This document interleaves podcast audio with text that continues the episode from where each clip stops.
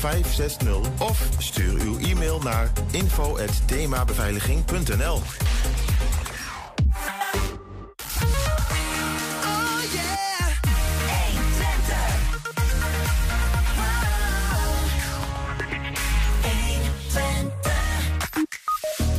Het is Prinsjesdag. Sommigen zwaaien met vlaggetjes, anderen pluizen de miljoenennota uit. Dat laatste doet collega Wilco Lauwers op dit moment. Hij zoekt razendsnel uit wat het Rijk voor Twente in petto heeft. Ja, hoe groot kan een regenton zijn? Op de UT staat een joekel en een slimme ook. En het Twentse kantoor van de kindertelefoon moet sluiten. Ja, dat hoor je goed. En niet omdat de Twentse kinderen probleemloos door het leven ro- eh, rollen. Op 1 oktober begint die tolle wogge. Organisator René Bogaert schuift strakjes aan.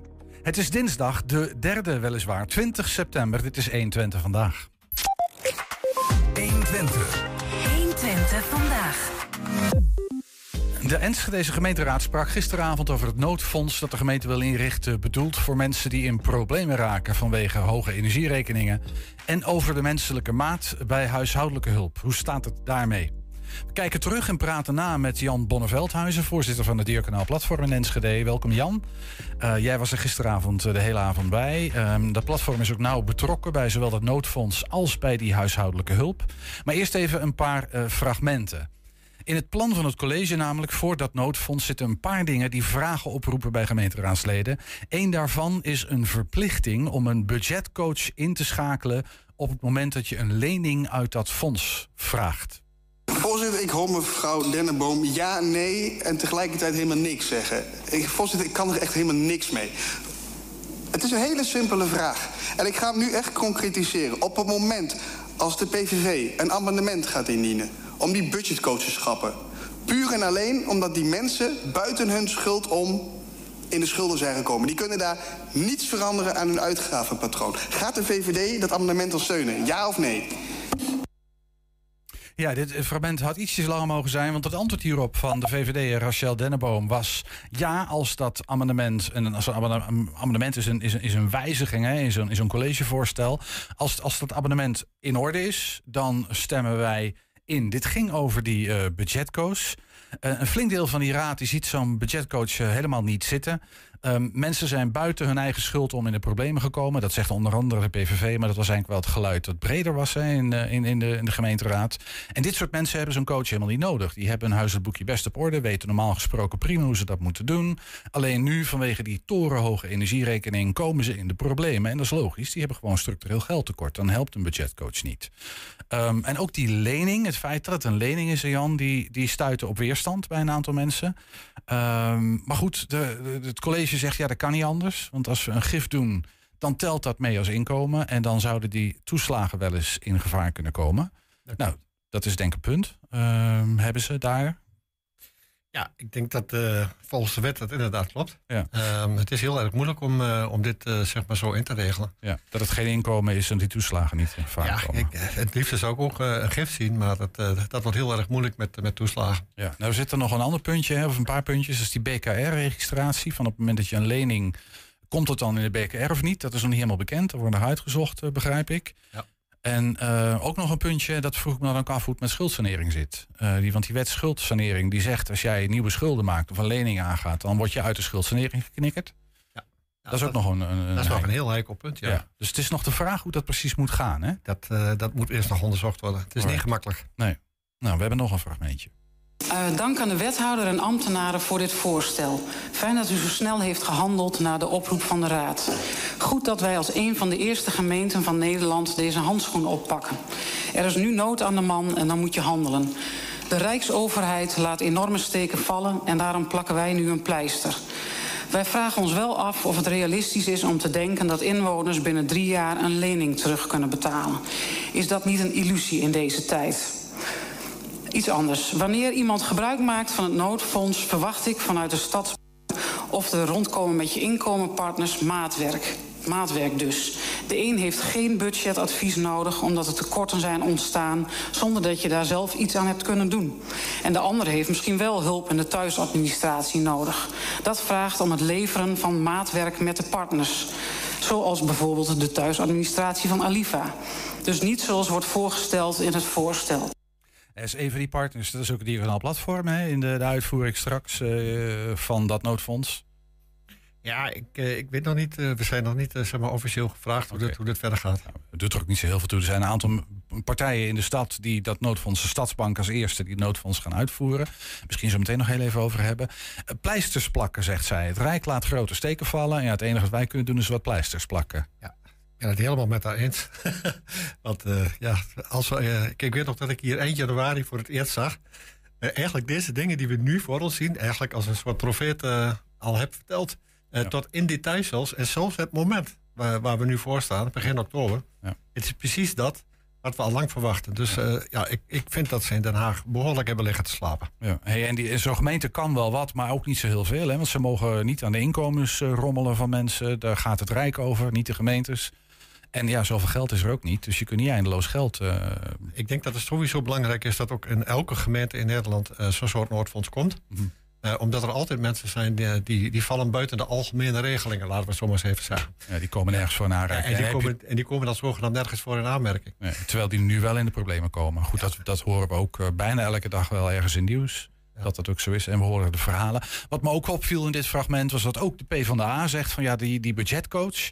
Dat is maar de vraag of we dat wel op die manier moeten doen. Um, nou, laat ik, laat ik het zo zeggen. Uh, het klinkt een beetje van je moet naar een budgetcoach. Je kunt ook zeggen van uh, laat, laat iemand eerst naar de adviseur gaan. En zich voor laten lichten wat zijn de mogelijkheden. Ik denk dat dat de eerste stap is. We moeten mensen niet dwingen uh, en niet bevaderen of bemoederen. Ja. Oké, nou ja, dat, je ziet dus dat, dat van links tot rechts, zou ik even zeggen, hè, van dat, in die, dat brede spectrum van die raad er stemmen opgaan om te zeggen van nou, misschien moeten we iets minder strak met die budgetcoach omgaan. Want er is nu een verplichting in het voorstel. Uh, de vraag is of, uh, of, of, de Raad daar helemaal mee akkoord gaat. Um, nog, we hebben nog één fragmentje. Dus een, een grappig moment tussen Morgan Breaert van, de, van Forum voor Democratie. Um, die heeft niet zoveel op met uh, klimaatverandering en dat soort dingen. En Judith Hofte van de Partij voor de Dieren, die gaat het juist allemaal niet snel genoeg. Die wil meer vaart bij de energietransitie en hulp bij de verduurzaming van woningen.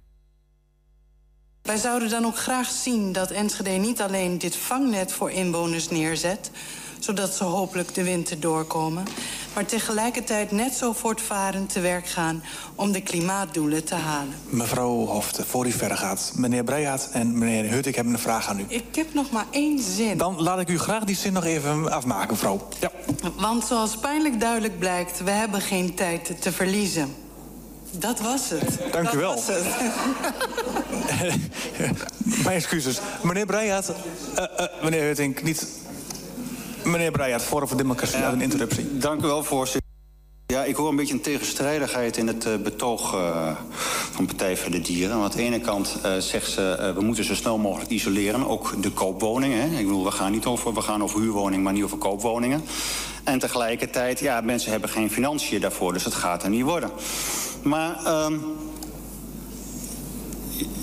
het isoleren van woningen komen we niet mee. Want ik zal je even een mooi voorbeeld geven. Ik woon zelf in een jaren 50 woning. Die heb ik een paar jaar geleden maximaal geïsoleerd. Ik ben van energielabel G naar E gegaan. En er valt gewoon niks meer uit te wringen. Dus wat stelt hij voor? Voor dit soort woningen. Want ik ben niet alleen. Want er zijn ook nu steeds meer bedrijven... die uh, moeten de grote villa's verlaten... omdat ze de energierekening niet meer kunnen betalen. Of omdat ze er stomweg niet meer in zitten, mogen zitten vanwege de energierekening. Mevrouw Hofte, Partij voor de Dieren. Dank u, voorzitter. Dan stel ik voor dat u een aanvraag gaat doen voor het noodfonds... en misschien dat een budgetcoach u kan helpen. U mag inderdaad nog kort even op reageren, meneer Breyaert. Ja, dank u wel. Ja, ik vind het een heel vriendelijk voorstel. Ik zal het in overweging nemen. Uh, alleen de vraag me nog steeds af of die coach mij uh, van energielabel E naar A gaat helpen. Want daar ben ik al heel razend benieuwd naar hoe die dat gaat doen. Mevrouw Hofte, nog een reactie hierop? Dank u, voorzitter. Ja, sorry, ik kan daar geen antwoord op geven, want ik ben geen budgetcoach. Dat is een mooi momentje. En dan weet je, zo'n zo, zo formeel uh, via de voorzitter gaat het dan allemaal heel netjes in zo'n raad, zoals het hoort. Maar dit deed mevrouw Hofte behendig. dit was grappig. maandagavond gaat de raad beslissen. Um, nou, laten we een inschatting maken. Ik, ik, ik, schat in dat die budgetcoach wordt geschrapt, dan wel um, dat die verplichting wat minder strak in het voorstel komt te staan als dat die nu staat. Dat verwacht ik ook, ja. Oké, nou we zijn het daar met. We, gaan gewoon even. We zetten er een flesje whisky op in, uh, Jan, of dat zo gaat zijn. En ik, de, de, de, een andere discussie was dat de hoogte van dat bedrag. Hè, de, de voorstel is om 1 miljoen in het fonds te storten. Daarvan zeggen eigenlijk alle partijen: ja, dat is zo op. En dat is natuurlijk ook, we hebben 33.000 huishoudens die mogelijk in de problemen raken. Nou, duizend keer duizend, je zit aan dat miljoen. Dus dat gaat hard. Dus het kon best zijn dat het bedrag wordt aangepast. Of dat er een voorstel komt dat dat, het heel soepel kan worden opgehoogd op het moment dat nodig is. Dat is wat ik, mijn inschatting. Nou ja, ik, ik vind 1 miljoen ook wel een klein beetje weinig. Ehm, ja, laat ik maar zo zeggen. Ik, ben, ik heb een christelijke achtergrond en ik, uh, ik, ik denk altijd, ja, soms moeten we offers brengen. Uh, in de zin van ja, ook een financiële steun. Um, wat ik een beetje jammer vind, is dat ze, dat ze de gelden een beetje weghalen bij dat wat ze al hadden. Dus ja, nou, maar je moet het ergens vandaan. Ja, maar je moet het ergens vandaan halen, ja, Jan. De gemeente heeft geen eindeloze middelen. Dat is ja, dat begrijp ik wel. En als je, als je 33.000 huishoudens, stel dat die echt allemaal, of stel dat de helft ervan in de problemen gaat komen. Dan is een enorme bak mensen. Daar heb je gewoon het geld niet voor, dat weet je. Ja, ik, uh, ik vind, ik vind die, die, die 1 miljoen, dat is, uh, dat, is, dat is echt veel te weinig. we gaan kijken, maar de best kans dat, dat, dat het dan nog gaat, iets, iets gaat veranderen. Nou, dan ligt er nog die kwestie of dat een lening of vergift moet worden met de vraagstukken rondom BKR-registratie en uh, eventueel zelfs schuldsanering. Um, dat moeten we nog afwachten. Hè? Dus dat, misschien dat daar nog wat in veranderd gaat worden. En er was nog een discussie over bijzondere bijstand. Um, dat is een vrij wat technische discussie, een beetje ingewikkeld. Maar het lijkt erop dat die deur naar de bijzondere bijstand voorlopig is dichtgezet. Um, en daarvan zeggen verschillende gemeenteraadsleden van ja, dat, dat kan niet. Dat, dat, dat, dat kan je niet maken. Het kan ook wettelijk niet. Dus die, die bijzondere bijstand moet beschikbaar blijven voor mensen. Nou, dat gaan we ook nog even afwachten, denken hoe dat gaat. Nou ja, um, kijk, de wet is de wet, hè? En, um, zo. Ja, ik vind dit toch weer uh, zo'n ja, zo'n zo'n zo'n extra maatregel. Um, waar bijvoorbeeld een gemeenteraad uh, heel erg moeilijk uh, mee, mee weg kan. Want je moet die wet kennen om daar inderdaad gefundeerd op te kunnen reageren. Ja. en ik vind het erg, heel erg moeilijk als dit soort dingen zeg maar, in de gemeenteraad worden ge, ge, gebracht. Uh, dat gemeenteraadsleden, uh, ja, sommige mensen zeggen van ja, ik heb het even nagevraagd bij de uh, advocatuur. de advocatuur zegt van dat mag helemaal niet. Dan krijg je dus een discussie in de gemeenteraad.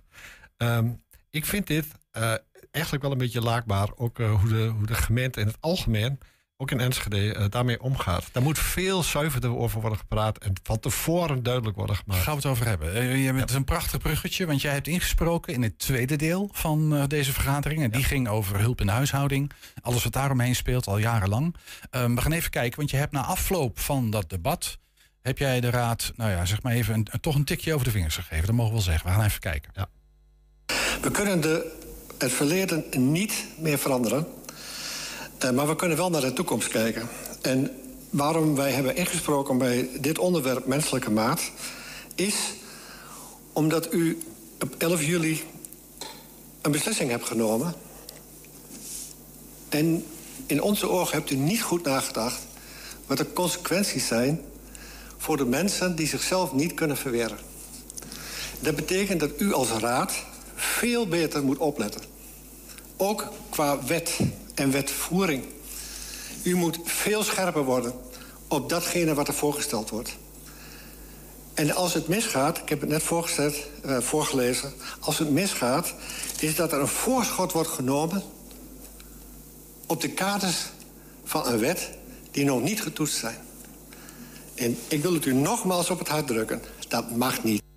Helemaal niet bij een, uh, bij een voorzieningenwet dan moet het van tevoren getest zijn. En niet achteraf. Waarom we hier zoveel woorden aan, sorry voor het woord smerig moeten maken... is omdat u als raad misschien wel te weinig kennis hebt op dit gebied. En misschien ook wel omdat u gewoon in alle goede, uh, met alle goede bedoelingen... gewoon dat aanneemt wat gezegd wordt. Maar u hebt het net gehoord uit de mond van de, van de wethouder. Hebben we het getoetst? Nee. Laat u dat niet nog een keer overkomen. Tot zover. Dat vingertje Jan.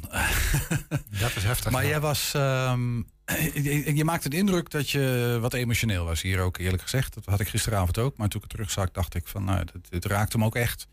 Um, de raad heeft zitten slapen, dat is wat je zegt. Um, nou, laat ik het zo zeggen. Ik, uh, ik vind het heel erg. We hebben het over mensen, ook over gemeenteraadsleden, maar ook over ambtenaren. Er worden dingen verteld die gewoon niet kunnen en niet passen en niet horen. Dit is onethisch. Misschien moeten we dat even uitleggen. Hè? Want het gaat om, eh, dit gaat om, om, om de WMO. Ja. De wet maatschappelijke ondersteuning. En dan specifiek het onderdeel huishoudelijke hulp. Ja. Daar is al jarenlang gesteggel over in Enschedeze gemeenteraad. Ehm, er was ooit een systeem. Dan kregen mensen te horen... u heeft 2,5, 3 uur hulp in de huishouding in de week. Dat is op een gegeven moment omgezet. Even terug in de geschiedenis. Naar schoon en leefbaar. Een niet goed toetsbaar criterium. Met andere woorden, mensen wisten wel ongeveer... nou ja, de gordijnen moeten zo vaak gewassen worden... en zo vaak moet het aanrecht schoongemaakt worden. Maar dat werd niet meer uitgedrukt in uren. Daar is gesteggel over geweest. Uiteindelijk is er wel besloten om weer terug te gaan naar uren. We hebben nu uren op jaarbasis. Dus mensen krijgen 250 uur per jaar. Maar toets dat maar eens. En dat is ook niet goed te koppelen aan die huishoudelijke taken. Je Dat kunt, je kunt, en jij, ze- jullie zeggen daarvan, ja, dat, dat, dat, En waarom mag dat niet? Ja, nogmaals, dat is net wat ik net gezegd heb, of eh, wat ik gisteravond gezegd heb. Er is een wet waarin duidelijk wordt geformuleerd hoe dit in elkaar zit. Eh, en dat betekent gewoon als, we, als iemand geïndiceerd wordt, dat hij. eh, nou ja, dat Geïndiceerd worden betekent dat Ah, je dat- een, een, een toewijzing krijgt van een, toewijzing van een krijgt, recht op wordt- huishoudelijke hulp. wordt gekeken van wat, iemand, wat heeft iemand nou echt nodig. Ja. Nou, en eh, aan de hand daarvan eh, moeten eh, er uren per week worden eh, zeg maar, eh, toebediend aan degene die dat, eh, die dat nodig heeft. En we hebben een tijd uren per jaar gehad. Ja, we hebben tijd uren per jaar gehad. eh, en dat komt omdat, eh, omdat de, de, de, ja, de grootste bulk eh, zeg maar, is, is ondergebracht bij zorgcentra. Eh, en die, eh, ja, die hebben eh, afspraken met de gemeente gemaakt. En dat begrijp ik allemaal wel, want het gaat natuurlijk wel om de centen. Maar uiteindelijk is de burger is hier echt het slachtoffer van. Want er kan absoluut niks getoetst worden. Daar is ook een uitspraak van de Centrale Raad van Beroep van geweest. Het is een hele moeilijke materie. Maar dat, geeft, maar dat, maakt, dat- dat, dat, neemt niet weg dat uiteindelijk, wanneer er een beslissing komt in een, in een gemeenteraad, dat de gemeenteraadsleden ervan op aan moeten kunnen dat datgene wat daar gezegd wordt door de ambtenarij, dat dat klopt. Ja, dus, nou, maar ik wil heel even terug nog eh, heel even over die, over die, over die beslissing hè, op, op, op, hulp, op hulp in de huishouding. Ja. Ehm, ehm, als mensen niet tevreden zijn en zeggen van ja, ik ben het niet eens met, met, met wat ik krijg aan hulp, Ja. dan, hebben ze, dan, dan kunnen ze niet zeggen van ja, ik, ik heb gewoon een half uur extra nodig. nee. Maar dan kunnen ze alleen zeggen, het moet, net, het moet iets schoner of iets leefbaarder. Dat is ongeveer. En, en, en daar, zit, daar zit de onduidelijkheid voor inwoners dan. Ja. Heb ik dat, klopt dat? Nou, dat is, dat is één. Er zitten nog veel meer eh, criteria aan vast. Ehm, kijk, als je, als je bijvoorbeeld in 2015 eh, zeg maar een schone leefhuis, of 16 eh, het schone leefhuis hebt eh, toebedeeld gekregen, eh, dan, moet je, wordt er geacht dat er na drie, ma- drie jaar opnieuw wordt gekeken. Als je 92 bent, dan ben je niet, eh, eigenlijk niet in staat om je te verweren. Ja, dat zijn mensen die echt hulp nodig hebben. Dus die mensen die wachten maar af en die zeggen, het zal wel zo horen. Maar die moeten over drie jaar moet dat opnieuw Dan, dan beoordeeld moet worden. gewoon een, een herindicatie komen. En dat, is, dat, is, dat is niet gebeurd. Dat is helemaal niet gebeurd. Nee, nou, een paar maanden geleden eh, hadden we nog ruim 4000 huishoudens. Even, dat is jullie berekening. Heb jij hier als, ook, ook wel eens eerder verteld, volgens mij. Die nog altijd met dat schone leefbaar zaten en niet een herindicatie hadden. Gisteravond hoorden we dat er 600 zijn. Dus er zijn er heel wat, kennelijk, die nu wel een urencriterium hebben gekregen. Ik heb even contact gehad met wethouder Jeroen Diepemaat, die daar nu over gaat. Ehm, en dat is een, dat noemen ze dan een ambtshalve. Eh, verandering geweest. Dus, dus ze hebben achter het bureau. Dat meen je niet. Nou, dat, is- dat een verrassing voor jou? Dus dat gaat over uren per jaar, niet over uren per week. dat kan niet. En jij zegt dat is nog steeds, dat is, ja, we hebben nou die uren wel, maar het klopt gewoon nog steeds niet. Ja, het is, ja, ik begin een beetje op te winden. Eh, ik, ik, ik heb veel respect voor. eh, ik heb met, met de wethouder Diepemaat nu twee keer gesproken. Drie keer. Ehm, ik heb veel respect voor die man. Hij wil het echt goed doen. Eh, dat zie ik ook. Maar wat hem in de oren wordt gefluisterd door de ambtenarij. Dat zijn, ik zeg het hier keihard. En heel Enschede mag het horen. Dat zijn leugens. Dit mag niet. En ook de gemeenteraad is daardoor verkeerd ingelicht. Het zijn er nog steeds 4 tot 5000. Nou ja, jij gaf net die tik over de vinger eh, richting de gemeenteraad. Van jongens, ik zeg het bij van mijn eigen woorden, jullie hebben zitten slapen en je moet beter opletten de volgende keer. Laat je dit niet nog een keer gebeuren. Maar ja, je, mo- je moet er toch vanuit gaan, als, als raadslid ook, maar ook als wethouder, dat de informatie, dat het ambtenaren dat netjes uitzoeken en goed uitzoeken. En dat er een voorstel komt dat, dat in ieder geval ehm, eh, nou ja, redelijk waterdicht is. Maar ik hoor jou zeggen, dat klopt niet. Dat doen ze we, niet. we hebben gisteravond een, eh, een, een, een expliciet voorbeeld gezien van op welke manier zeg maar, gemeenteraadsleden worden beïnvloed door de mond van een wethouder die dat aanneemt wat zijn ambtenaren hem in de oren hebben gefluisterd. En daar word ik heel erg boos over. En dat, dit is ook nog niet het einde van het verhaal. Want dit kan niet waar zijn dat op deze manier ook wethouders verkeerd worden voorgelegd. Dit, dit kan gewoon niet.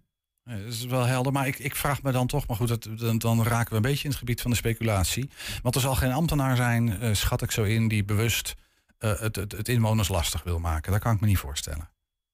Dus, dus, dus ik, dan vraag je af, waarom zouden die een voorstel schrijven dat dat niet waterdicht is? Nou, ik, ik, zal, ik zal je eh, maar zo zeggen. Als je eenmaal één keer gelogen hebt, dan verplicht je jezelf om de tweede keer ook te liegen. En dat is hier aan de hand.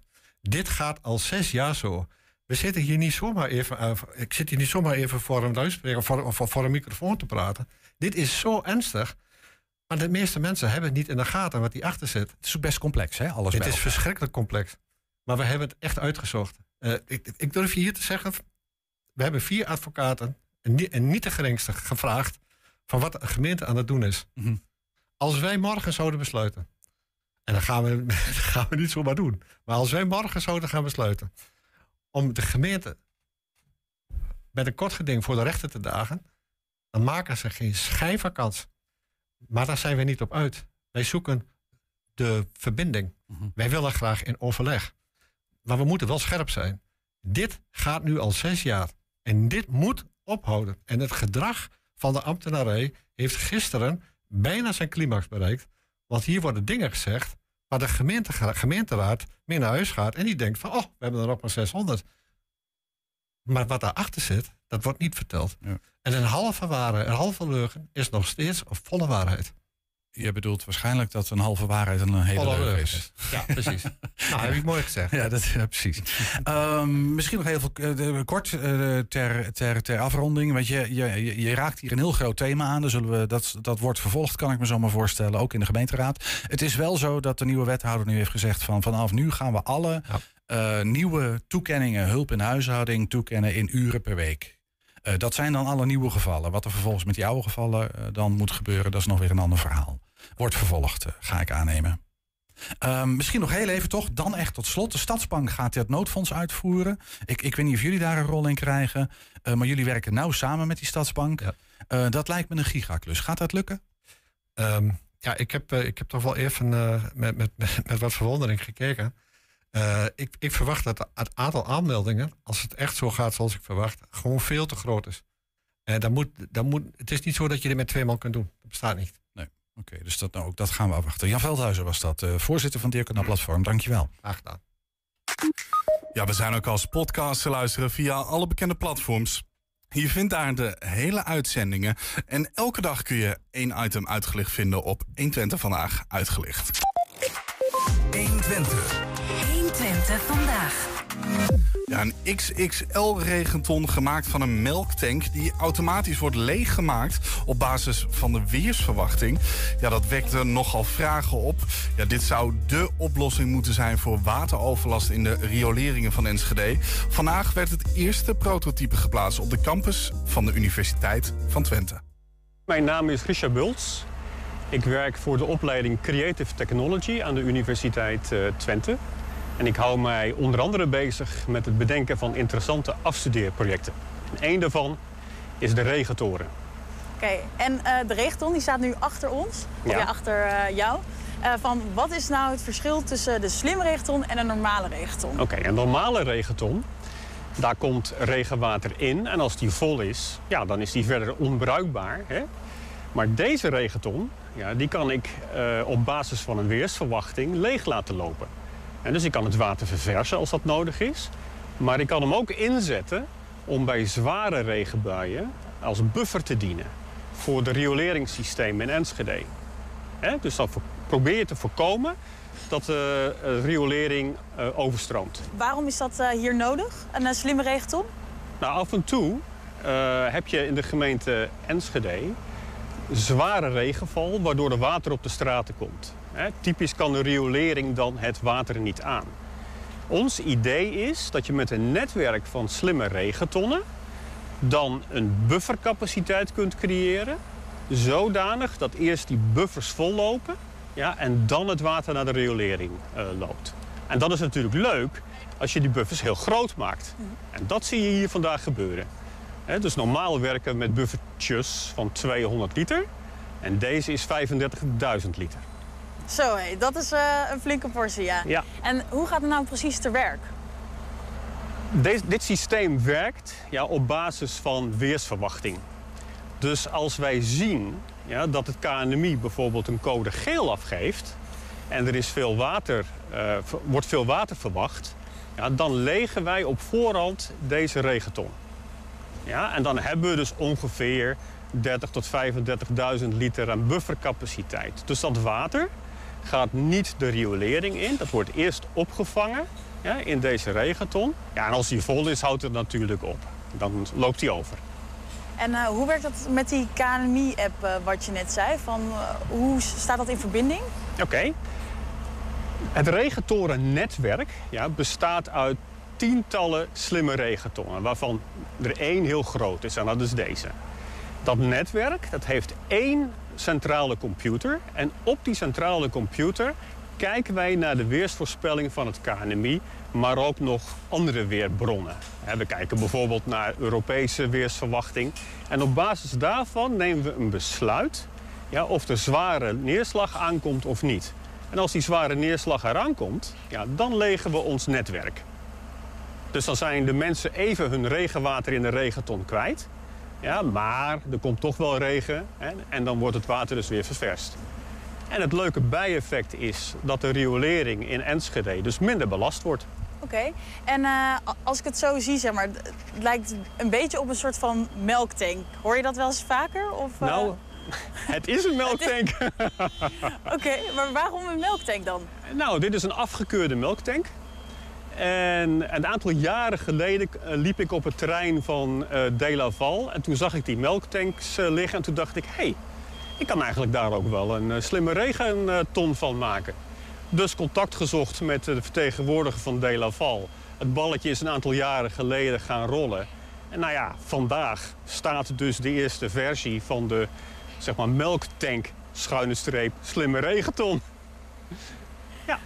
Oké, leuk. Maar het is Eh, een afge- afgekeurde melktank. Hè? Dus het is niet zo dat, eh, dat dit een, een nieuwe melktank is die ook normaal gesproken verkocht wordt.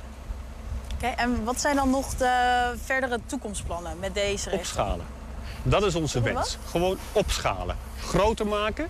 Kijk, het heeft niet zoveel zin om een paar regentonnen eh, in Twente neer te zetten... en dan te claimen ja, dat je dan een systeem met voldoende buffercapaciteit voor hoosbuien... eh, op die op te vangen zodanig dat de riolering niet belast wordt. Dus we moeten opschalen. En ons plan is samen met de gemeente Enschede de andere gemeentes in Twente ook te benaderen. En dat doen we natuurlijk stiekem al. We praten met Oldenzaal, we praten met Almelo, we gaan met Hengelo praten. En als die allemaal mee gaan doen en wij kunnen ons netwerk laten groeien... Ja, dan ontstaat er dus een effectief buffersysteem om het overtollige regenwater op te vangen. En dus uiteindelijk minder water in de straten. Oké, dankjewel. Graag gedaan. Ja, ik vind dat een gaaf ding, eh, Julian. Ik wil zo'n ding op het Van Heekplein. En dan gevuld met water, melk, bier. Nee, water. Laten we het gewoon even bij water. Nou, houden we het gewoon bij water. Maar het ziet er inderdaad gaaf uit. Ja, toch?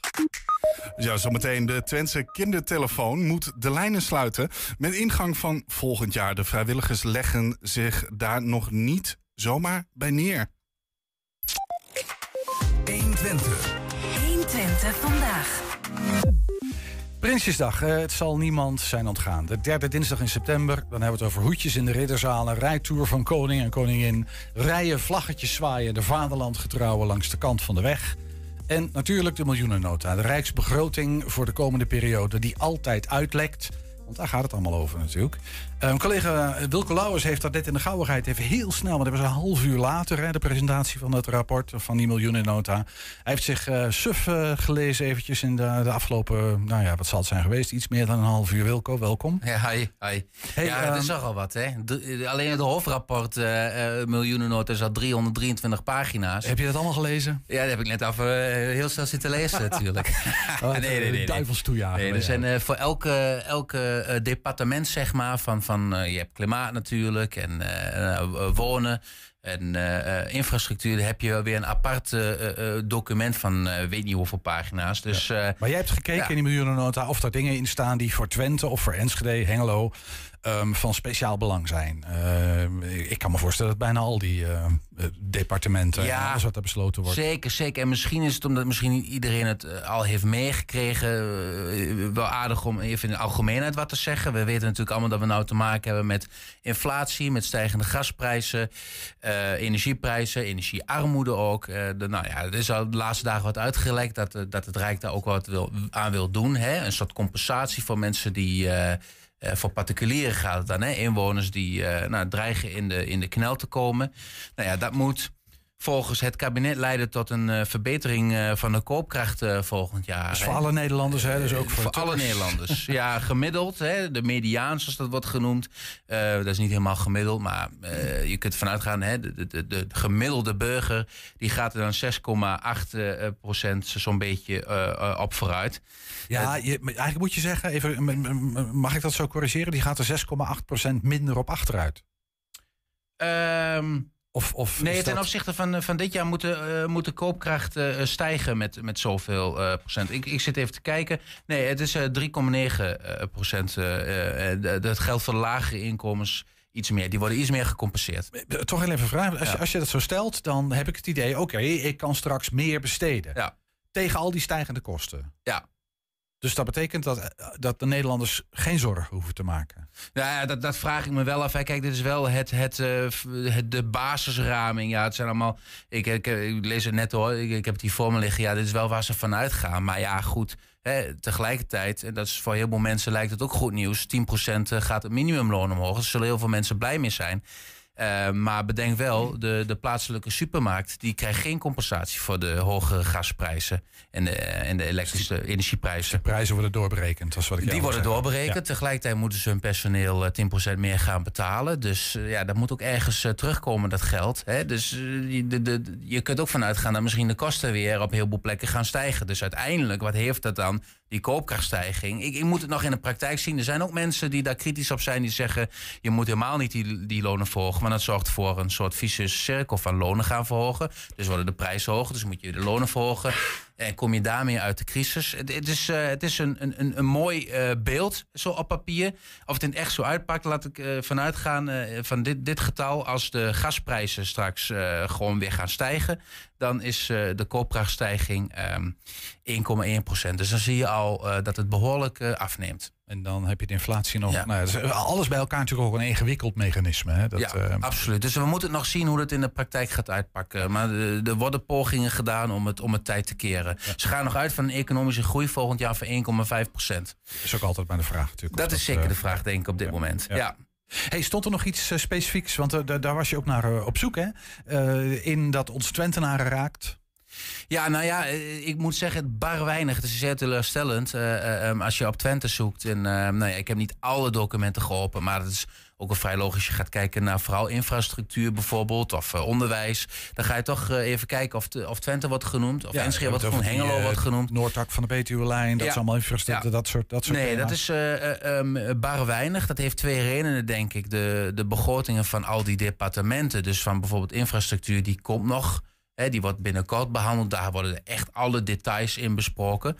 Maar ja, als, als er behoorlijke uitgaven worden gedaan op een bepaald gebied, dan zou je dat nu al wel terug moeten zien. Ja, het enige wat ik zie is dat er geld komt, en daar is nog geen prijskaartje aan gangen, voor een verkenning om de reistijd tussen Zwolle en Enschede eh, te versnellen. Nou ja, goed, daar hebben we het wel eens over gehad. Is een oud plan of een ouder plan. is een geval. grote wens. Is een grote wens van, eh, van ook de, hier de Euregio. Liefst willen ze die trein van Zwolle naar Münster. Daarover lees ik vrij weinig. Behalve dat ehm er binnenkort meer bekend over wordt. Want de staatssecretaris zou in gesprek moeten gaan met, de, met haar collega in, in Duitsland. Over, nou ja, daar moet geld voor komen voor die spoorlijnen van eh, Zwolle naar Münster. Dus daar moet Duitsland ook een aandeel in hebben.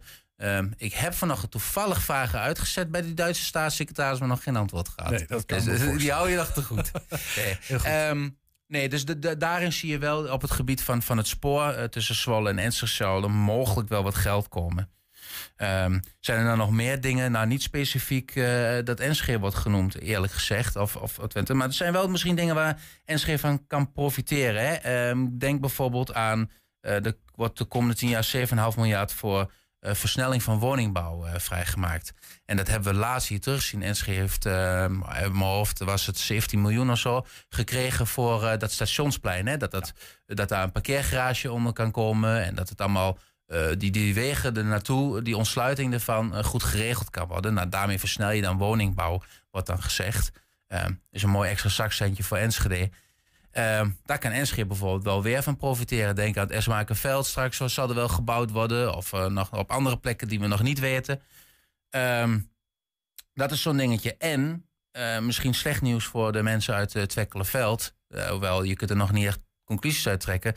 Maar er wordt 35 eh, miljard euro vrijgemaakt eh, voor klimaat, waarvan 200 miljoen voor eh, warmtenetten.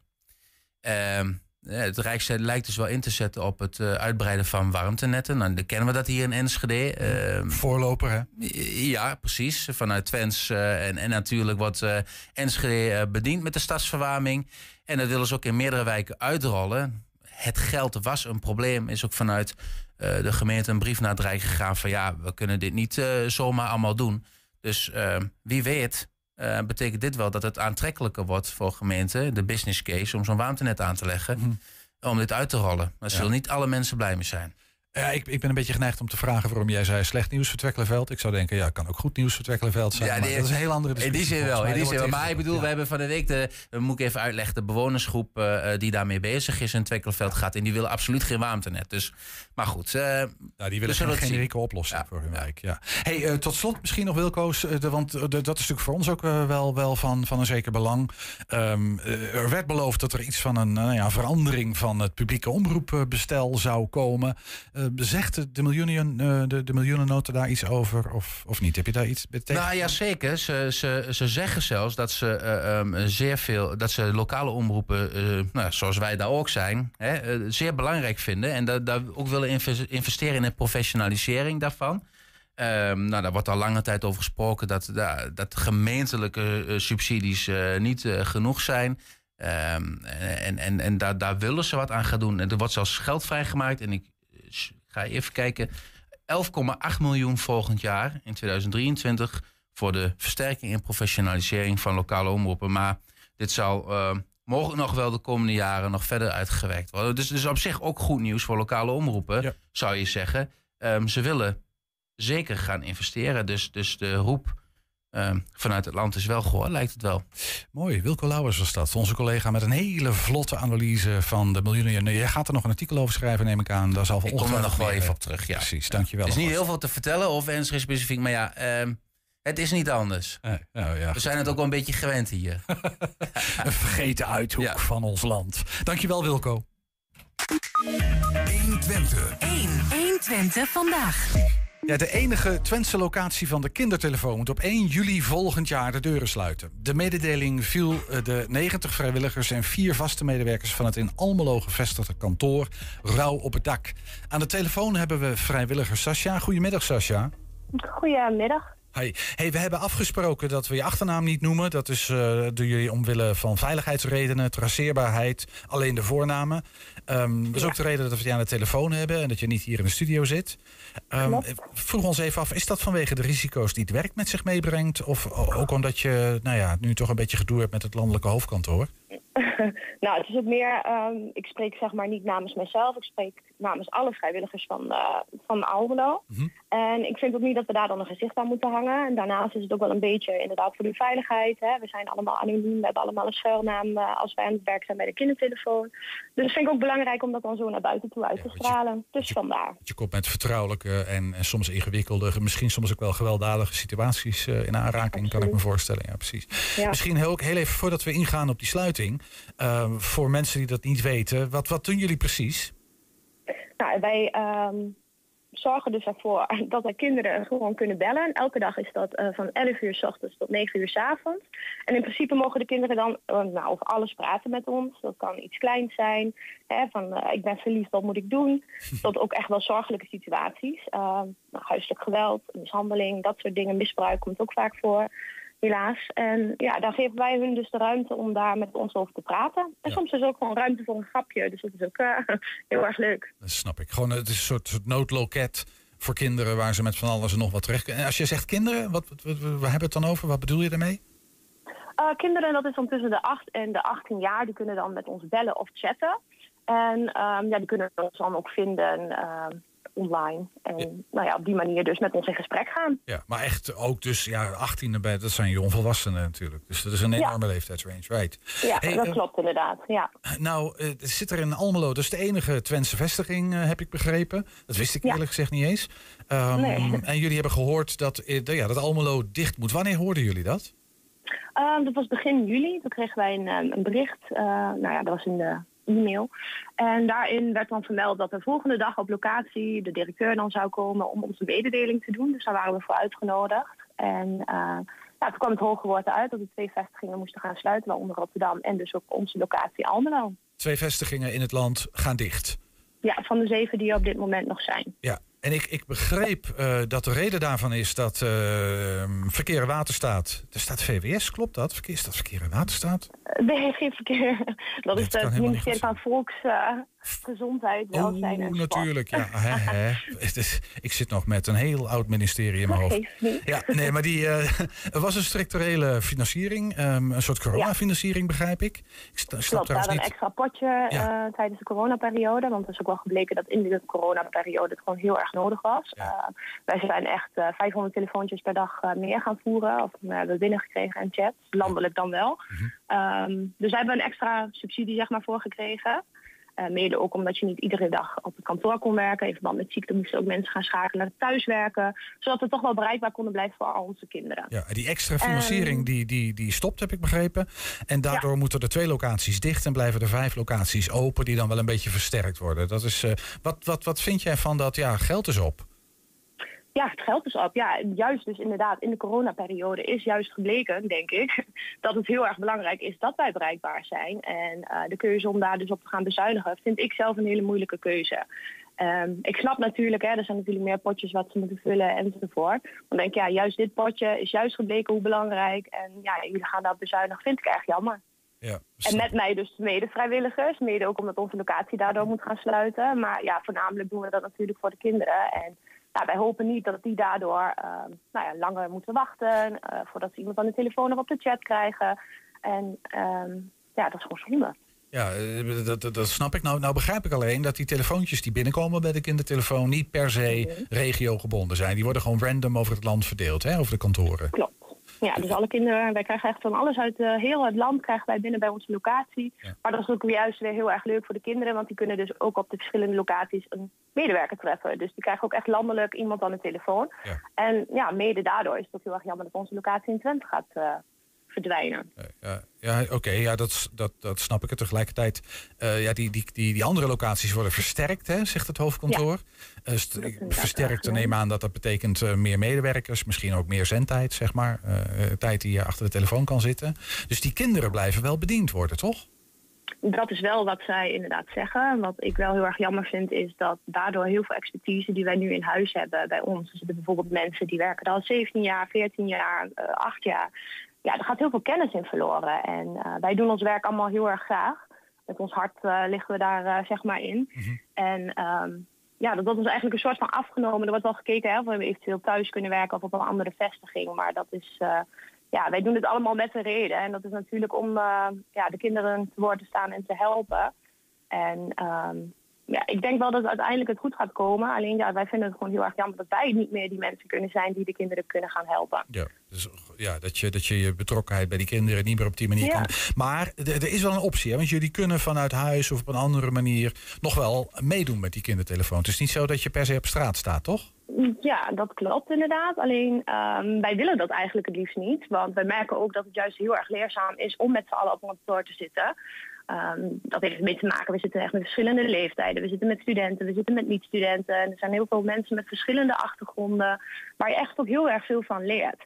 ehm, van elkaar. Maar je hebt ook soms van die heftige gesprekken. En dan is het ook wel even fijn om dan even je collega die naast je zit of tegenover je zit.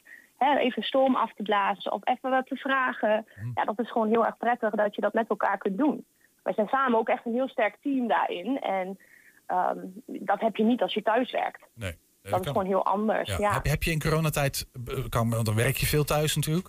Eh, heb je veel thuis gewerkt? Kan- Is, is, is dat dus een gemis geweest? Dat je soms ja, dat is gesprekken had? zeker een gemis geweest voor mij. Ja, absoluut. Ja, dus dat idee van alleen thuiswerken, dat is eh, wat jullie betreft eh, niet de meest prettige oplossing. Zeg ik het even Nee. simpel. Nee, oké. Nee, dat is inderdaad wat wij vinden niet echt een oplossing. Inderdaad. Nee. Nee. Hey, nog even terug naar die, naar die verdeling van die telefoontjes over het hele land. Is, is dat ergens, het, het voelde voor mij ook wel een beetje gek. Omdat, nou ja, goed, een, een kind eh, dat in de pijp in Amsterdam woont, drie hoog achter. eh, toch een hele andere achtergrond heeft dan een jongen hier op een boerenerf in Beckham bijvoorbeeld. Klopt. en, en ja, ik kan me voorstellen als je zelf een stadsmens bent, dat je daar wat minder feeling mee hebt, of juist weer wat meer feeling. Is, is, is, ja, ik denk niet dat dat heel erg te merken is. Tenminste, ik merk dat niet als ik bewijzen van iemand uit het westen aan de telefoon heb, dat daar een heel erg verschil in is. Natuurlijk hebben ze wel andere achtergronden waar wij misschien ja, de kennis dan niet van hebben. Maar ehm, ja, ik denk niet dat het heel erg uitmaakt en geen invloed heeft zeg maar, op onze gesprekken die wij voeren met de kinderen. Het is niet heel erg ook eh, met hun achtergrond heeft het niet altijd te maken. Het zijn echt nou ja, vragen zoals van, oh, ik ben verliefd, wat moet ik doen? Ja, dat heeft in principe niet qua achtergrond iets daarmee te maken. We krijgen ook landelijk wel gewoon eh, dezelfde trainingen. Dus daarin ja, nemen we dat soort dingen ook wel mee. en kinderen dus, blijven ja. kinderen natuurlijk. Ja, inderdaad. Ik denk dat de denkwijze en de belevingswereld van een kind daarin niet heel veel uitmaakt welke achtergrond dat heeft. Tot op zekere hoogte natuurlijk. Ehm, ja, maar goed, weet je, mochten we daar echt niet uitkomen of vindt een kind het niet prettig om met ons te praten, kan het ophangen, kan het weer opnieuw en dan kijken of hij dan wel iemand krijgt wat past voor diegene. Ja, snap ik. Hey, en, en nog even voor de goede orde, want jullie zijn eh, overwegend vrijwilligers, hè? Ja, klopt inderdaad. Wij werken met eh, nou ja, 70 à 90 vrijwilligers. En dan waren 70 of er 90? vier. Ja, 70 à 90. Het wisselt soms nog iets. We hebben ook eh, bijvoorbeeld heel veel studenten. Er werd ook als argument bijvoorbeeld genoemd ehm, dat Almelo geen studentenstad is. Terwijl wij wel begin september ehm, zeven studenten de ruimte geven zeg maar, om zich te ontwikkelen bij ons op de locatie. Dus dat vinden wij dan ook weer dubbel met alle scholen die we er rondomheen hebben zitten. Ehm, maar goed, dat, ja, daar leer je ook weer heel erg veel van van elkaar. En ja, het is gewoon allemaal een beetje onbegrijpelijk allemaal voor ons eigenlijk. ehm, waarom dat deze keuze zo is gemaakt. Nou ja, ja, ja, ja, ik hoor jou zeggen, de ene kant begrijpelijk in de zin van, ja, eh, als er geen geld is, dan snap ik dat je soms wat moet doen. Maar, maar jullie willen, ja, het komt erop neer dat jullie open willen blijven. Eh, Dat, dat is wat ik je heel duidelijk hoor zeggen. Wat, wat, wat gaan jullie doen om dat toch nog voor elkaar te krijgen? We weten op dit moment nog niet precies wat we gaan doen. We zijn natuurlijk nu eh, bezig met bijvoorbeeld nu de media opzoeken. Dat is al heel erg fijn dat jullie daar ons de ruimte nu in hebben gegeven om ons verhaal te horen. In dit geval gelukt. Ehm, ja, zeker. Dus dat is wel heel erg fijn. En ja, wat de vervolgstappen zullen zijn, dat weten we nog niet. Want het is nog maar heel erg recent. Dus we hebben de koppen even bij elkaar gestoken om te kijken van... Hè, wat kunnen we gaan doen? En dit is een goed begin, denk ik. In ieder geval aandacht vragen en eh, Ja. vervolgens kijken of je het actie kan voeren, begrijp ik. Of zoiets zal het wel zijn. Ja, nou ja, ik hoop dat dat eh, uiteindelijk wel het resultaat gaat zijn. Ehm, van wat we nu doen. Ja, We zeker. gaan, we gaan het afwachten. 70, 90 vrijwilligers. Eh, de, kinder, de, de, de kindertelefoon heeft laten weten dat zij dit besluit eh, betreuren voor de betrokken vrijwilligers in Almelo en ook in Rotterdam. Eh, omdat die zich jarenlang met hart en ziel hebben ingezet voor de kindertelefoon. Maar ze willen Mhm. nu niet in de uitzending reageren. Dat is mogelijk wel op een later moment dat ze dat willen, hebben ze gezegd. Nou ja, dan weet je dat. Eh, wij spraken met Sascha, zonder achternaam in dit geval. Sascha, dankjewel voor je toelichting. En eh nou, Ja, eh, met, eh, met ja, jullie strijd, zeggen we maar even. Ja, heel erg bedankt. En ook voor de ruimte die we krijgen. Dus om ons eh, verhaal hier te mogen doen. Graag gedaan. Fijne dag. Ja, heb je een tip voor de redactie? Mail het dan naar info.120.nl 120. 120 vandaag. In Duitsland is het Oktoberfest net van start gegaan. En ook in Enschede wordt komende zondag op het Van Heekplein eh, dat fest gevierd. Het van oorsprong Duitse volksfeest is deel van die Tollewoche die eigenlijk op 1 oktober begint. Bij ons in de studio is de organisator daarvan, dus René Bogaerts. Welkom. Dankjewel. Fijn dat je er bent. Ehm, eh, dat Oktoberfest dat begint vroeger dan die rest van die Tollewoche. Ja. Eh, d- d- daar moet een logica achter zitten. Of ja, is dat het? Oktoberfest dat organiseren we samen met de Reuring op het Plein, hè, de zondagsmarkt. Ja, die organiseren normaal de laatste en de eerste week van een maand organiseren ze wat. Dus je moet een beetje schuiven en kijken. Nou, 25 september kwam goed uit. Ik hoop dat het weer ook goed is natuurlijk. Ja. En vandaar dat we het een eh, week eerder doen. Het is ook gewoon moeilijk om alles in één week te krijgen, zeg maar. Er is zoveel, hè? Ja, we hebben 14 activiteiten dit jaar. En als je die. uh, ja, maar ik bedoel niet eens alleen jullie, maar in zijn algemeenheid. Ja, er is zoveel te doen. Ja, het is een beetje een inhaalslag weer hè, na corona. De, de, dus, de, de, uh, concurrentie is moordend op dat vlak natuurlijk. Ja, ja, ja. Hey, um, uh, dat is één keer in het jaar, hè, die Tollewoche. En ook dat Oktoberfest. dat vind ik op een jaar plaats. maar die Tollewoche is echt een, een grensdingetje. Hè? Dus Nederland, Duitsland. we gaan samen wat doen. Ja, de bedoeling van het doel van die Tollewoche is om verbinding te zoeken tussen Nederland en Duitsland. Eigenlijk om te laten zien dat we als Enschede bezig, heel druk bezig zijn met Duitsland. Uh, niet Andersom ook? Is Duitsland ook zo druk met Enschede? Uh, zeker, alleen uh, op meer op, zeg maar op het politiek, moet ik zeggen, op het gebied van steden onderling. Dus, dat is het algemeen toch zo? Ik bedoel, of, of is het zo dat Enschede'ers gewoon de normale inwoners, zoals jij en ik, ook veel bezig zijn met Duitsland en andersom. ja, als je wel kijkt wel. Kijk, um, Duitsers komen veel in Nederland. laat ik het zo zeggen. Als je zegt, zijn ze bezig? Nou, er is een onderzoek voor INO. Die kijkt naar consultieve bestedingen. Duitsers besteden hier per jaar volgens dat onderzoek 155 miljoen euro. En hier dan hebben we het over Enschede? Enschede. Dat is 16% van de totale omzet consumptieve uitgaven, zeg maar. Dus op de consumptieve markt. uitgaven, ja, dat dus, is echt een uh, vakterm. Maar jij bedoelt ja, wat zie je gewoon maar, uh, dus, uh, ja, nou, kleding, kopjes koffie, kopjes koffie, et cetera. Ja. Oké, okay. 115 miljoen. 155 miljoen. Oh, sorry, ik ja? zit te laag. 155 ja? miljoen. En, en, en, hebben ze ook uitgezocht wat wij in Duitsland uitgeven? Nee, want dat is wat lastig natuurlijk voor een Nederlands bureau. Maar uh, ja, verwacht wel dat daar ongeveer uh, dat daar ook goed uitgegeven wordt. Tanken, nou, op dit moment misschien wat minder interessant, maar tanken en natuurlijk boodschappen doen. En er gaan ook heel veel mensen uit, uh, uit eten over de grens. Heel veel Nederlanders gaan natuurlijk in Duitsland fietsen. Ja. Uh, als, als ik het nou goed begrijp, hè, René, is, is het dan een klein beetje zo dat dat, dat bestuurlijke overleg dat best wel plaatsvindt hè, binnen ja. die regio? Uh, dat we dat ook wat meer naar de normale, zeg even, de, de, de, de leefomgeving, de werkvloer, daar waar gewoon inwoners bezig zijn. Dat, dat ja, een beetje... ja, daar hebben we eigenlijk twee insteken. Hè. Proberen natuurlijk op het gebied van arbeid, uh, leren, proberen we wat te doen. Daar hebben we, daar hebben we natuurlijk contacten daar lopen nu goed tussen het MKB Twente, hè, het midden, middenkleinbedrijf Twente, ja. maar met de Duitse Evenpoot. Net over de grens, Krijgsborken, dus het een AIW heet dat. Um, we zijn vanuit de Enschede, gemeente Enschede met grenswerk, uh, maar ook met de afdeling onderwijs, proberen we ook grensoverschrijdende stages te organiseren. Zodat dat heen en weer ook over de grens, ook voor arbeid later of voor studeren, makkelijker wordt. Ja. Nou, Gronau zegt, uh, Saxion Universiteit zijn eigenlijk ook onze hogeschool en universiteit. Ja. Enschede heeft gewoon heel veel Duitse studenten, ook uh, ten opzichte van totaal. Ja, dat loopt wel goed. Ja, nee, maar dat, dat, dat is zo. Hey, en die, die, die Tollewoche, is dat nou vooral een Enschede-Nederlands initiatief, een, een idee? Of is dat echt een gezamenlijk iets tussen Duitsland en Nederland? Het mag nog wel iets meer gezamenlijk worden. Het is gewoon moeilijk om ook, uh, zeg maar... Wie, uh, wie, mag dan nog iets meer aansluiten? De, Duitsers? Ja, de Duitsers, ja. Ja, ja. We en, doen nu wat meer met Münster.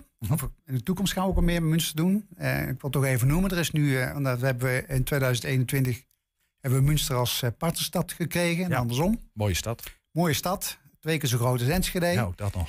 Um, nou, daar kunnen we wat mee natuurlijk. Ja. En er is nu een partnerstadverein opgericht in Münster. Partnerstadverein Enschede-Münster. En die willen ze eigenlijk binationaal hebben. Dus dat zowel Nederlanders als Duitsers ja, in die vereniging zitten. Oké. Okay. Nou, en dat, dat gaat wel meer verbinding geven, nog meer verbinding geven. Ja. En die, zijn, uh, nou, die organiseren op 8 oktober organiseren die een, uh, een, een, een rondwandeling door Münster met aansluitend uh, zeg maar een, een, kennismaking met de vereniging in een, in een restaurant. Nou, daar kunnen Enschede's op inschrijven. Het is natuurlijk gelimiteerd. Kortom, er wordt volop aan de weg getimmerd op allerlei ja. niveaus. Ja. En dit, misschien toch nog even hierover. Dan wil ik graag even over die Tollewogge zelf hebben. Maar die, de, is, is het nou zo dat... Um, dat, dat dus de behoefte aan die verbinding misschien vanuit Nederland, zeker in het verleden, iets groter was dan dat die Duitsers dat voelden. Mag ik dat ja, zo zeggen? Ja, dat is moeilijk te zeggen. Um, ik, ik, vraag naar jou eens. Ja, het is een emotioneel. Kijk, even kijk uh, uh, Duitsland is natuurlijk wat uh, qua land groter, maar Nederland is gewoon net Duitsland, of Duitsland is onze belangrijkste handelspartner. Ja. Voor ons is het heel belangrijk. Dat voor ons is belangrijk, maar, en vergis je niet, we zijn, in, ik heb even de getallen niet paraat, maar voor Noord-Rijn-Westfalen, daar heb ik het wel even paraat. Daar is Nederland als land is daar ook gewoon de eerste handelspartner ja. qua in- en uitvoer. Ja. Dus wat dat betreft zijn belangen wel uh, redelijk gelijk. Redelijk gelijk hey, die, die, die Tollewogge uh, vindt zowel in Duitsland als in Nederland plaats op verschillende plekken. Ja. De voertaal, Nederlands, Engels of Nederlands, Duits? De afspraak, nou ja, het is, de afspraak is hè, eigenlijk in uw regio, ook bij vergaderingen, dat iedereen zijn eigen moedertaal kan spreken. Ja. Eh, Dus dat betekent dat je moet zorgen dus voor vertaling af en toe. Of dat Soms moet er een tolk aanwezig zijn, maar gewoon zeker hier in Euregio spreken gewoon heel veel eh, Duitse mensen spreken Nederlands. Bijvoorbeeld de burgemeester van Gronau spreekt eh, vloeiend Nederlands. We hebben hem hier gehad, dat Ja, hebben precies, we precies. aan den lijve mogen ondervinden. Klopt inderdaad. En veel Nederlanders spreken Duits.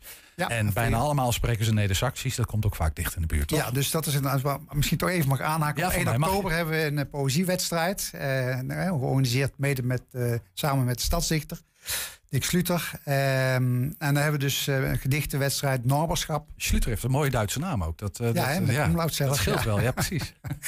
In het Nederlands, in het Duits en in het plat. Dus in het, ja, in het Neder-Saxisch kun je niet zeggen nog Rijnwestfalen, maar in het plat Duits. Ja, en dat, ja. Nou, benieuwd. Wat, en wat, wat gaat er verder? Gewoon, geef even wat highlights. Nou, wat gaan we doen? highlights. Ja, nou, in ieder geval de poëziewedstrijd is een highlight. Eh, op 6 oktober, donderdag 6 oktober, is een Young Europe event. Dat is een eh, discussiemiddag met een rollenspel. Nou, Nederlands en Duitse jongeren doen mee. Gaat Dat- de discussie over? Europa, eh, duurzaamheid, nou, thema's die, die de jeugd bezighouden. Wordt trouwens ook compleet georganiseerd door twee medewerkers, drie moet ik zeggen. Twee- Twee medewerkers en één medewerker van eh, de gemeente en de regio, jonge ambtenaren. Dus die zitten helemaal in, het, eh, in, eh, ja, in die wereld, zeg maar. Dus een, een, een soort, soort een, discussieplatform, discussieplatform van jongeren met een over thema's die er te waarbij ze eigenlijk zeg maar nou, verschillende standpunten moeten, hè, dus Europees standpunt, Nederlands standpunt, Duits standpunt eh, moeten verdedigen. Verschillen die standpunten zo van elkaar dan? Als het om duurzaamheid gaat bijvoorbeeld. Om even, nou, ik even voorstellen. als, je, als je nu het, eh, het, het, het nieuwe coalitieakkoord doorleest van eh, NRW, hè, van de nieuwe regering daar, dan kon je bijna op iedere bladzijde wel het woord klimaat of klimaatadaptatie of energie, energiewende kon je tegen. Dus dat thema energie speelt op dit eh, klimaat speelt op dit moment heel erg sterk in Duitsland. Ja, Onze indruk is dat die Duitsers daar meer mee bezig zijn nog dat die Ja, en ook wat meer op de lange termijn. Ja, ja. dus in die zin zijn er echt wel verschillen. Ja. Dat kan een eh, interessante discussie gaan worden. Ehm, Nou, een andere highlight. Ja, precies, we ik waren bij de highlights. op, want eh, nou, ik heb al gezegd 8 oktober in Münster, eh, de, de rondwandeling. En eh, nou, voor het eerst hebben we op 30 september, dus ook net iets voor die tolle woche, hebben we Zwoele Vibes. Zwoele Vibes? Ja, bij Stonewall. Ah, dat klinkt en goed. eh, ja, Stonewall heeft ook de Duitse relaties uitgenodigd. Dus Stein, daar- Stein, Steinwall. Steinbauer, Steinbauer, Steinbauer, ja. Dus eh, nou, ik ben benieuwd. Ik ga, ik ga kijken. Maar Dus, wat gaat het eh, gebeuren? Ik- heb Nou, je een beeld? Wat, wat is je beeld als, als, Nou, als we ze- daar naartoe ze hebben stappen? Wat, eh, ze hebben wat go-go-dansers uitgenodigd en een drag queen. En eh, nou, oktoberstemming. Ze zouden zelf eh, nou, een beetje een oktoberfest eh, aankleden. Is, is dat een thema dat, eh, waarin ook Duitsland en Nederland misschien wat van Ja. elkaar verschillen? Eh, want nee, het gaat nee over... want in Münster hebben ze nu ook een, iemand die is aangesteld voor de LHBTIQ plus gemeenschap. Ja. En ook, mijn al- collega, ook mijn collega die, die dat doet in Enschede, die hebben contact onderling. Ja. En wij hebben ook al een keer ter ondersteuning van zeg maar de, ja, de homo-trash in, eh, in, in, eh, in Polen hebben we op verzoek van, van Münster eh, ook hier een regenboogvlag aan, aan, de, aan eh, gehesen. Aan, Right, we hebben tijd nog voor, voor, voor één highlight. Doe, doen we nog één highlight. Eén highlight, ja. Even kijken. Nou, dan, ehm, ja, dan wil ik toch wel even zeggen dat er... ehm, ook dit jaar proberen we weer iets duurzaams, te iets blijvends te, te doen. En dat is een, wederom een nieuwe grensoverschrijdende fietstocht langs theetuinen. Langs theetuinen? Theetuinen, ja. En hetzelfde doen met de wandelingen. Die zijn wat korter natuurlijk, maar één theetuin, één wandeling. Maar die fietstocht komt langs verschillende theetuinen in Enschede... en wat aantal restaurants in Duitsland. Dus in, eh, bij Gildenhuis, de noordelijke route... en rondom Enschede, Kronau, de zuidelijke route. Leuk. Hey, als mensen, eh, eh, het, duurt nog heel eventjes, hè, maar goed, we hadden nu ook mooi tijd in het programma. En jij Ja, was beschikbaar, dus dat is fijn. Als mensen meer informatie willen straks over het programma, waar kunnen ze terecht? Op de website, als je gewoon intikt die tolle woche. Punt, EU, DE, EU, Ah, oké, EU. heel netjes. maar ik denk dat met die tolle woche dat die ook aan naar voren komt. En eh, daar staat het hele programma op in het Nederlands en in het Duits. We beginnen 1 oktober officieel, maar daarvoor al iets. En daarna eh, misschien ook nog wel wat, maar eh, een vol programma. Vol programma. René Bogaerts was dat. mede-organisator van die tolle woche in Duitsland en in Nederland rond de grensstreek. Dankjewel. Graag gedaan. En tot zover ook 120 vandaag. Terugkijken, dat kan direct via 120.nl. En vanavond om 8 en 10 op televisie te zien. Zometeen kun je op de radio gaan genieten van Henk Ketting met de kettingactie. Wij zeggen veel plezier en tot morgen. Tot morgen. 120. Weet wat er speelt in Twente.